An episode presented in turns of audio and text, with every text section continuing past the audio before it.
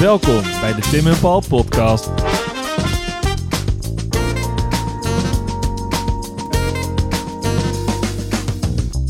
Ehm, zullen we gewoon, gewoon meteen beginnen? Deze Niks keer? intro. Niks intro. Shit begint als het begint, joh. De stropdas. Ja. Heb jij hem vaak op? Eh, nee, nee, nee, ik heb een hekel aan die dingen. Ik heb er ook echt een spuughekel aan. Ja. En ehm, ik, weet ook niet, ik weet echt niet waar het vandaan kwam. Dus ik heb het een beetje uitgezocht, geprobeerd. Ja, je moet weten waarom je dingen haat, hè? Dat is Ja, altijd en belangrijk. Ik, en ja. ik snap ook gewoon niet waarom het vet is om een soort van slap om te doen. Toch? Je hebt Ja. een soort van slabbetje. Dingetje, een flubbertje. Een flubbertje wat altijd ook wegwaait en zo. Ja. Ik, ik hoorde ook dat Mark Rutte tijdens een van die, per, van, van die persconferenties het met een plakbandje vastgezet had. Omdat hij anders dan ook zou gaan Zou gaan wiebelen. Ja, is gewoon, heel jammer allemaal. Ah, fijn, de stropdas. Ja, Ehm, we gaan deze keer niet terug naar de Tweede Wereldoorlog. jammer. Eh, we gaan terug naar de Romeinse tijd. Oeh. Ik ga echt, ik ga echt all the way vandaag, Paul. Ja, het is lang geleden die Romeinse Ja. tijd. Ehm, schijnbaar hadden, de, hadden Romeinse senatoren een soort gebruik om eh, een soort van een sjaaltje om hun nek te dragen om hun stembanden lekker warm te houden Mhm. als ze weer zo'n eindeloze redenvoering moesten gaan houden. Ehm, dus die liepen door, door Rome. Je ziet het al voor je in zo'n toga met zo'n ding om hun nek. En helemaal klaar voor de, voor de, de grote redenvoering. Ehm, en de, verklaar, of, of de redenering is dan dat het dat dan vervolgt... omdat die senatoren eh, een hoge maatschappelijke status hadden... dat waren een beetje de, hè, de rich and famous van, van de Romeinse republieken... ehm, dat dat werd overgenomen eh, door de rest van de, de elite van de Romeinse staat. Juist, ja. Dus Zo eh, lekker geïmiteerd. dat werd je, ja. Geïmiteerd en dat werd overgenomen. En langzaam groeide het dan uit als een soort van maatschappelijk statussymbool. Ja, Ehm, dat, daar kan ik in komen. Dat vind ik een, ja. dat vind ik een logisch, logisch. Ja. logisch verhaal. Ehm, de volgende stap die ik heb gevonden vind ik wat minder logisch. Maar ik, ik ga hem toch even vertellen, want ik vind het wel een geinig verhaal. Ehm, schijnbaar is eh, die, dat gebruik om dat sjaaltje te dragen... dat ging, dat ging dus naar de e- elite toe in het Romeins Rijk. En het is dus ook gebruikt door bijvoorbeeld legeraanvoerders. Hm. Die droegen dat bij hun, bij hun wapenrusting, droegen ze daarboven zo'n soort sjaaltje... om ook weer uit te stralen dat ze tot die elite behoorden. En dat is nogal hardnekkig eh, blijven hangen in Kroatië Oké. volgens de Mare, naar verluid. En dat, is- dat wordt straks weer belangrijk en daarom vertel ik het. Ehm, in Kroatië is dat, is dat gebleven, is dat, werd, men, werd het super hip en is het jarenlang is dat blijven, eh, ja, gebruikt blijven worden. En ik, en ik leg er zo nadruk op, omdat de verklaring is dat in de 17e eeuw eh, Kroatische huurlingen dat principe van het sjaaltje dan vervolgens weer meenemen naar West-Europa. Mhm. En dat schijnt dan de lijn te zijn naar die Romeinse senatoren.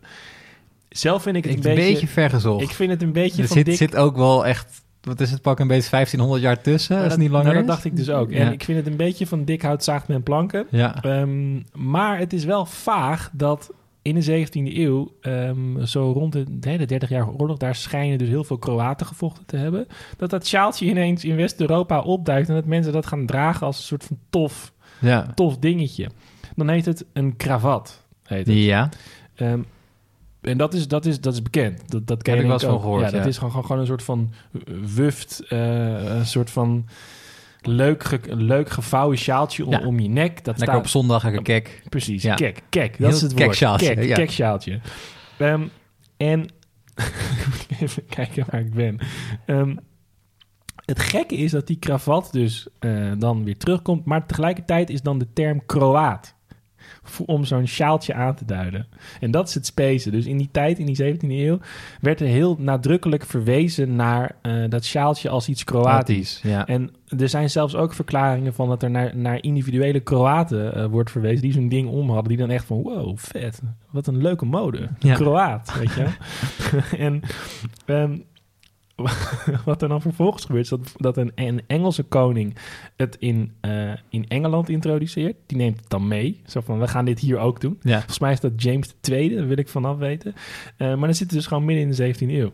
Ehm, en het wordt, het wordt dus echt een ding. Het wordt, het wordt hip. En je moet nog wel even realiseren dat het dan nog altijd een soort van losse lap is. Die wel met een soort van ja, lekker flamboyant. flamboyant. Ja. Ehm, en langzamerhand gaat het dan veranderen. En het zijn weer militairen ehm, die, Altijd dat, weer die militairen. die dat weer gaan doen. Ehm, aan het einde van de 18e eeuw zijn het militairen die denken... deze lappen waar ik hier nu mee sta... eh, met ik moet mijn geweer laden. ja, dat, dat blijft hang- hangen. Hangt een bajonet aan, dan, dan niet scheurt het af. En Ja. dan, prik, prik Ik ik, moet de mezelf koloniseren, Ja, dit is niet, hallo. niet Ja. chill. Ehm, dus wat er dan gebeurt is dat ze die kravat eh, een paar keer om hun nek slaan en vastknopen. En daar, daar Ja, zit dus ja, de crux. Dat doen ze met een, een knoopje aan de achterkant. Ja. Dus een, een speldachtig ding. Of gewoon echt een, een knoop.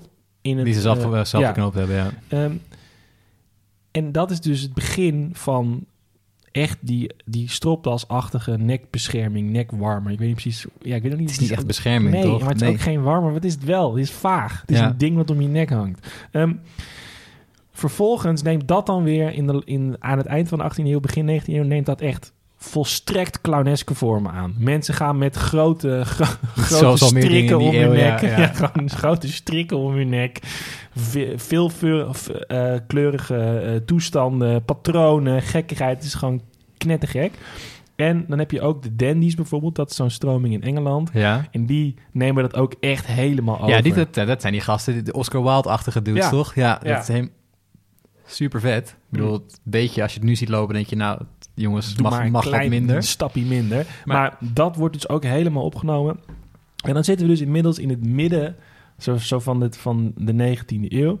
Ehm, en dan zie je dat er ook weer iets verandert. Dan verandert de mode en dan gaan mensen zich net weer wat ingetogener ja, kleden. Dit is niet meer die tijd van gewoon letterlijk... Eh, gewoon en dingen, ja. hele grote strikken om je nek en zo. Dat doen we niet meer.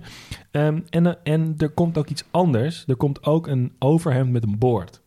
En dat is Ja. ook een dingetje. Ja. Een, een overhemd met een boord die je dus terugvouwt. Ja. En dan komen we eh, aan het eind van de 19e eeuw, begin 20e eeuw, krijgen we eigenlijk, ja, de, worden er een soort van soort aantal vormen van, noem het toch maar even nekbescherming, nekversiering. Eh, Versiering is denk ik Ja. Versiering, niets meer en niets minder, nekversiering. Eh, la- dan duiken er een aantal vormen van nekversiering op. We hebben dan al de vlinderdas. De ascot is ook op dat moment ja, dat is dat, eh, dat sjaaltje wat dan zo'n beetje zo bollerig uit je, ja, bij precies, je nek hangt, zeg en, maar. Ja. en, en, en de escort is het ook in heel veel, eh, bijvoorbeeld militaire uniformen, kledij, nog steeds wordt dat gebruikt. Vol- volgens mij, ehm, Amerikaanse eh marinemensen hebben iets dergelijks op, om. Ehm, maar die escort, dat is een, een, een andere afslag. ja. We hebben dus, dus de vlinderdas, eh, de escort. En wat we dan krijgen, is de four-in-hand. En- ja. De four-in-hand is eigenlijk een soort van oervorm van onze stropdas. Dat ding is een soort van ja, reep stof. Werd vaak, vaker gevouwen dan geknoopt. Maar dan ontwikkelt er zich wel een beetje een soort van vormpje. Van dit is wat we gaan doen. We vouwen het een beetje. En het is dus inderdaad die dunne reep stof. Dus je hebt ehm, de escot is gewoon een, brede, een breed sjaaltje wat je vormt. Dat het een soort van V vormt omdat je, omdat je hemd open staat. Hm. Eh, dat strikje is gewoon een strikje. Simpel. Ja. Ehm, en die voor-in-hand is dus een andere vorm. Dan neem ik nog een stapje later naar 1926. Dat mooie jaar. Het mooie jaar 1926. We gaan naar New York toe. Ja, altijd leuk. Daar is een New Yorkse kleermaker die voor het eerst... Mr. eh, Stropdas. nee, eh, daar is een New Yorkse eh, kleermaker die voor het eerst die vorm die wij allemaal kennen knipt. En dat gaat erom dat het tegen de draad geknipt is. Allemaal kleermakers eh, details waar ik je niet mee ga vermoeien. Maar die legt voor het eerst die vorm vast. En dan Ja. is dus onze stropdas is dan geboren. En ik weet ook niet waarom het dan nog steeds die eh, associatie heeft met het is iets hips, het is iets, het is iets of niet, niet eens hips, het, het is iets heel nets. Ja, dit is super zakelijk, toch? Het is super zakelijk, super formeel. Ehm, en dat is ook leuk. Er is dus een soort van tegenbeweging nu tegen het juk der stropdas. Ons aller prins Klaus is daarmee het begonnen toch- in die toespraak die dan theatraal en hevig trillend van, van zijn ouderdomsziekte die, die stropdas wegwierp van... Wij laten ons niet meer vangen eh, onder het juk der stropdas. Iets in die Ja. woorden, zei hij. Ehm, We missen hem nog elke dag, die ik prins wist wel, Klaus. ja, Ja, ja, dat is lieve, man was wel een bijzondere man, ja. Maar, ehm, dus daarmee is, is het cirkeltje rond. We zijn van Romeinse senatoren die dit... Maar het is, sorry hoor, maar het is toch... Als je nu, zeg maar, je gaat lekker naar de Zuidas... en je ziet al die, die, die mensen daar rondlopen in hun pakjes... en dan denk je toch niet van dit, dit is wat Rome had gewild? Zo, toch zo van ja, jongens, ik kom denk op. dat Rome sowieso niet had gewild dat we in dit soort glazen gebouwen eh, nee, dat allemaal is, dat is waar. als werkmieren bezig waren. Nee, tuurlijk niet. Maar het is wel. Ik, ik vind het wel, wel een, een mooie ontwikkeling dat het dus echt ehm, over zoveel schijven is gegaan. En het lijkt dus nog steeds dat statussymbool, wat het in de Romeinse tijd ook was, nog steeds te zijn. Dat vind ik wel een mooi besluit. Ja. Ik draag ze toch liever niet. Kan jij, kan jij zo goed knopen? Ja, ik, ik, ik maak meestal gebruik van eh, eh, die enkele. Want die, want die Ja. dubbele, dubbele Windsor ben ik niet heel, ben ik niet heel nauwkeurig strak mee. Dus ik doe die enkele dan vaak. Dat is wel wat. Maar het is toch ook, ja, misschien dwalen we nu een beetje af hoor, maar het is toch ook zo van welke knoop je hebt, hoe vet je bent en zo. En als Ja, jij het, het die, vetste, die knoop op de verkeerde gelegenheid draagt, dan ben je echt een sukkeltje. dat is wel waar, ja. En, maar dat is vooral in Engeland. En Ja. Het vetste wat ik op stropdasgebied ooit heb meegemaakt... was dat ik eh, met eh, nog in het museum in, in Arnhem werkte... dus over de Tweede Wereldoorlog en Britse soldaten... dat ik met de zoon van een veteraan moest naar een afspraak toe in Londen... Mhm. Eh, en ik was natuurlijk al anderhalve dag van tevoren liep ik in dat pak rond in die stropdas gestrikt, zes keer opnieuw om Ja. op lengte te krijgen. Je moet trouwens ook das zeggen, hè? Ja, Trouwens. ja, ja. Ja, als je echt netjes bent. Maar ehm, we liepen gewoon over straat in Londen, in de city, ook zo heel, heel Ja, Brits. En hij, en die man naast me, die had ook echt zo'n, zo'n ik, ja, ik had gewoon, gewoon een, een net pak van een niet nader te noemen Nederlandse pakkenwinkel, Suit Supply. Ehm, wel nader te noemen. maar en die guy had dus zo'n soort hele epic combinatie van tweed met een andere kleur. broek. Savile Row, ja, gewoon ellende. echt vet. Ja. En we liepen dus op straat en hij had die das niet om. En we liepen naar onze afspraak toe. Het was een, echt een ettelijke minuten dat we daar naar binnen moesten. En die guy die doet het zo, die heeft zijn jasje aan, doet zijn kraagje flip, die flipt die omhoog en al lopende, pratend, strikt die gast even een perfecte dubbele Windsor. Wauw. en ik stond daar echt zo naast me van, oké, dit was Wauw. gewoon deze, deze sequentie van gebeurtenissen was zo Engels. Ja. dit nog nooit Ja, zo net geen kopje thee erbij. Ja, lopend ook. Holy ja. shit, ja. Oh, wat nice. Ja. Heel vet. Ja. Dus zover de stropdas. Denk Ja. eraan als je hem... de- denk aan die Romeinse denk aan die, senatoren. ja, Als denk aan er Cicero. Ehm, ja, alright, fashion. Ga je ook fashion? Ik ga zeker niet over fashion. Oh. Nee, heb je wel eens gezien hoe ik eruit zie? Nee, ik ben blij dat onze podcast eh, alleen audio is en geen video. Ehm, ik ga het wel... Ik, nee, ik wil een bruggetje maken, maar dat werkt helemaal niet. Ik ga een beetje over totaal iets anders hebben dan de stropdas. Namelijk over eh, tuinieren. Oh, dat is ook leuk. Ja, ik heb ooit een keer, eh, niet heel lang geleden, een isolatietape eh, met jou ingesproken over het drieslagstelsel. Zeker. Dus, eh, nou ja, hè, tuinieren, het boerenbedrijf zit in mijn bloed. Al generaties, generaties kom ik uit de stad. Ehm, maar ehm, als ik aan jou vraag wat een bekende tuin is uit de geschiedenis, wereldwonderachtige tuinen. Van het Lo, Paleis het Lo. Paleis het Loos, een mooie tuin. Versailles is ook een Versailles is een mooie tuin. staaltje tuinieren van heb ik jou daar. Sterk staaltje tuinieren. Dat zijn allerlei mooie siertuinen. Dan heb je ook nog in eh, het oude eh, Babylonië de hangende tuinen. Die niet hangen en wel of niet ooit bestaan hebben. Oké. Eh, maar wat we vaak vergeten, omdat we natuurlijk in het Westen lekker westers georiënteerd zijn, zijn de drijvende tuinen van ehm, de Azteken. Ook nog nooit van gehoord. Nee, hier, dat dacht ik al. kant van de tafel. Nee, ehm, en ik zeg de Azteken, maar het zijn eigenlijk meerdere volken die op dat moment in, eh, eh, in Midden-Amerika leven. Eh, eigenlijk zo'n beetje iedereen die in dat... Drijvende een drijvende tuin, hè? Dat is toch, toch een beetje huisje, boompje, beestje. En een drijvende tuin, daar ben je helemaal een lama en een tuintje, daar ben je gezetteld. Maar ehm, het is best bijzonder wat daar, wat daar gebeurt. Want ehm, die tuinen zijn geen siertuinen. Versailles is een siertuin en eh Paleis Loos is natuurlijk ook een siertuin. Maar Ja. dit is gewoon voor, voor boerenbedrijf. Oké. Dus wat moet je doen? Dat hebben we natuurlijk in Nederland hebben we natuurlijk ook wel ervaring mee. Ehm, wat moet je doen als je te weinig landbouwgrond hebt, maar je hebt wel heel veel water? En wat wij doen, is dat water allemaal wegpompen als een gek. Ja. En daar... Hè, dat, Met dus- windmolens. met windmolens. Hè? Eh, dus wij hebben polders die laag liggen en daar eh, het water weggehaald is. Waardoor de grond eh, tevoorschijn is gekomen. Ik kom zelf uit Flevoland, de hele provincie die is op- opgezet om, om daar boeren neer te zetten. En Ja. de prachtige stad Almere. Ehm, maar zij doen de Azteken deden het net even wat, eh, wat anders. Dus wat zij doen is, ehm, ze zetten wat dingen in de grond en ze wachten dat daar gewoon smurrie tegenaan komt.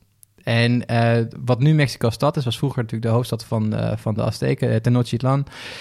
Kan je dat nog één keer herhalen? Nee, ik weet niet hoe ik dat moet uitspreken. ik heb het geprobeerd om het, in het, in het met een Spaans accent te doen of in het, in het oorspronkelijke uh, Nahuatl, uh, wat ik ook niet kan natuurlijk. Ja. Dus ik zeg, ik houd op Tenochtitlan. Ja. Um, dat betekent trouwens um, steencactus. Steencactus? Ja, cactus die aan de steen groeit. Okay. Um, goed, anyway, dat geheel terzijde. Dat ligt in, in een meer, die stad. En uh, die stad is nogal groot. Er wonen naar schatting, op het moment dat de, dit is allemaal, weten we dit vanaf het moment dat de Spanjaarden daar aankomen. Ja. En, uh, Want die gaan schrijven, dat bedoel je? Of? Dat is, ja, we, we kunnen wel met archeologische opgraving kan je natuurlijk wel dingen gaan, uh, ja. gaan uitzoeken, maar over het algemeen geschreven bronnen over hoe dat eruit ziet, weten we pas sinds de Spanjaarden er zijn. En dat is natuurlijk allemaal, moet je ook goed erbij bedenken, het is natuurlijk allemaal enorm gekleurd berichtgeving. Ja. Maar die komen eraan en die schrijven dan van ja, wat is dit in vredesnaam voor, voor een wereldstad? We wonen naar schatting tussen 200 à 400.000 mensen. En dit is 1521, uh, 1519 ja, daar we het over hebben. crazy inderdaad. Ja, even ter vergelijking. um, dat is vijf keer zo groot als Londen op dat moment. Ja. En dit is, dit is zeg maar, je hebt een paar steden die gigantisch groot zijn. Uh, Constantinopel, um, wat toen al wel Istanbul was. Ja, toen al Istanbul was. Uh, en Cordoba. En voor de rest, weet je wel, het is groter dan bijna elke Spaanse stad, behalve dat. Dus uh, je komt daar aan en je ziet dat ineens. Dan denk ik, oké, okay, prima, maar hoe moeten die mensen dan zichzelf gaan voeren? Want als je veel mensen ergens hebt wonen... Ja, waar komt dat eten vandaan? Waar komt het eten vandaan? Ja. Dat komt dus van de drijvende tuinen.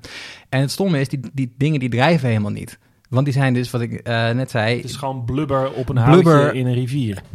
Dat, zo zou je het kunnen omschrijven. Ja, um, um, dat is zeker waar. Je zet gewoon wat dingen neer en da dan wacht je tot er uh, smurrie tegenaan komt. Blubber. Blubber. Ja. En uh, daar ga je dan op tuinieren. Ja. En dat werkt dus als een gek, want daar wordt allemaal mais, uh, komt daar vandaan, aardappels worden daar ge, geteeld. Het is allemaal fantastisch. Was die grond dan ook super vruchtbaar? Ja, um, want het is een combinatie van het water wat daar, of de grondwater, de, sorry, de grond onder het water wat daar zit, Ja. wat heel erg, heel erg vruchtbaar is. Um, maar ook omdat, en het is een beetje ranzig, maar omdat er zo'n grote stad is, is er ook heel Poep. veel compost. Poep. Ja. Poep, ja. En dat wordt dan in de bronnen omschreven als night soil. Maar dat is gewoon de verzamelnaam voor, voor menselijke uitwerpselen en alle andere Ja. direct die daar vandaan komt. Maar ja, er zitten natuurlijk wel allerlei bouwstoffen in voor die, uh, Voor die plantjes. voor die ja. plantjes. Dus die hele stad kan daarmee wo- worden uh, Wauw. onderhouden. En het is ook nog bizar, want die stad die ligt dus in een meer wat voor de helft zout is. Of brak in ieder geval. Dus ze moeten ook nog een dam bouwen om te zorgen dat het zoute water natuurlijk wegblijft. En het zoete water... Um, Maar dat wisten zij wel? ja, zij wisten dat. Oh, ja. Ja, het is echt heel, heel bizar. Ja. Uh, dus zij hebben een gigantisch... Um, ja, water, ik wil zeggen waternet hebben zij. En vlak voordat de Spanjaarden aankomen... Een paar jaar ja, pretpark. een paar jaar voor die Spanjaarden aankomen... Um, hebben ze net een gigantische ringdijk gebouwd... waardoor er ook weer vers water uit de bergen naartoe wordt gestuurd en zo. En het, um, er is een theorie en dat heet... Dat is een, een theorie van de hydraulische rijken. En uh, dat is dat je, je kan pas een fatsoenlijk rijk hebben als je uh, het water onder controle water onder controle hebt. Hè. Denk aan uh, Romeinse, Romeinse, Romeinse aquaducten bijvoorbeeld. Ja. Um, hier is het net wat anders, omdat wij niet een hydraulisch, maar een Thessalonisch rijk Ah. zouden zijn. Dus dat is betekent dat je... Ja. Ja, als je, hè, oud klassiek Latijn. Als je uh, op de zee georiënteerd bent, maar dat zijn ze daar in uh, Midden-Amerika niet. Dus het is allemaal zoet water. Um, je kan pas een rijk worden als je dat onder controle hebt met aquaducten en dit soort dingen. Dus als je de meester bent van de, de omgeving omheen. Er zijn heel veel op- en aanmerken te maken over, die, over de theorie, maar het, is, het, ja, het spreekt op zich wel... Uh, het lijkt heel erg logisch te zijn dat die, uh, die stad heeft kunnen bloeien en groeien... omdat ze daar dus uh, het water onder controle hadden. Um, om een citaat te geven wat daar gebeurt. En Cortés die heeft een, een, dagboek bijgehouden, maar hij was niet de enige. Er waren ook wat mensen in zijn, in zijn leger die daar aankwamen, die dan schrijven over die, die stad, als ze daar voor het eerst aankomen. En um, dat heb ik hier. Dit is geschreven door de heer Bernal Díaz de Castillo. Ja. Wat gewoon eigenlijk uh, Herman Jacobszoon betekent. Um, ik ga het even in mijn... Uh, het is niet in het Spaans, maar het is in het Engels. Uh, we saw so many cities and villages built in the water... and other great towns on dry land, and that straight and level causeway going toward Mexico, we were amazed. And some of our soldiers even asked whether the things that we saw were not a dream. We were seeing things that have never been heard or seen before, not even dreamed about. Dus je moet je voorstellen, Jij bent Juan Modal. Juan Modalo. Jij komt uit Extremadura, uit Spanje. En je gaat op een schip met een of andere Hernan Cortés. Ga, je, ga jij richting Midden-Amerika. Je komt daar vervolgens aan bij zo'n stad waar, waar 400.000 mensen wonen. Groter dan je ooit gezien hebt. En die volledige controle hebben over alle natuur om je heen. Maar jij hebt altijd in je achterhoofd gehad, jarenlang, dat Alleen God dat heeft. alleen God dat heeft. Ja. En dat de, de, de, de Spanjaarden het beste zijn in de wereld. En dat het katholieke geloof het beste is in de wereld. En vervolgens kom je daar aan en denk je, nou, Oké. oké, dit, is, dit is vaag. Dit is heel raar. Eh, dat heeft ze niet weerhouden om daar de boel kort en klein te slaan natuurlijk. Eh, traditioneel Spaans gebruik. Ehm, er is heel weinig overgebleven van die stad. En waar de grote piramide van Tenochtitlan stond, staat nu een kathedraal. Om even symbolisch te maken hoe dat gegaan Dan is. zijn we wel weer rond. Ja. Zijn we wel weer rond. Eh, maar goed, die drijvende tuinen zijn dus gigantisch belangrijk geweest voor die, voor die stad. Oké. Ja. Van de Romeinse eh, eh, senatoren naar de Tuinieren in, eh, in in Mesoamerika. Mexico. Mexico, ja.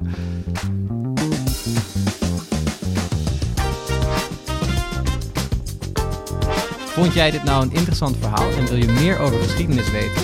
Hou dan onze Instagram in de gaten. We zouden het ook heel leuk vinden als je een recensie achterlaat. Vijf sterren, mag gewoon. En heb je nou een vet idee waar we het over kunnen hebben? Slide dan in onze DM's. Durf gewoon te vragen. Tot de volgende. Groetjes thuis.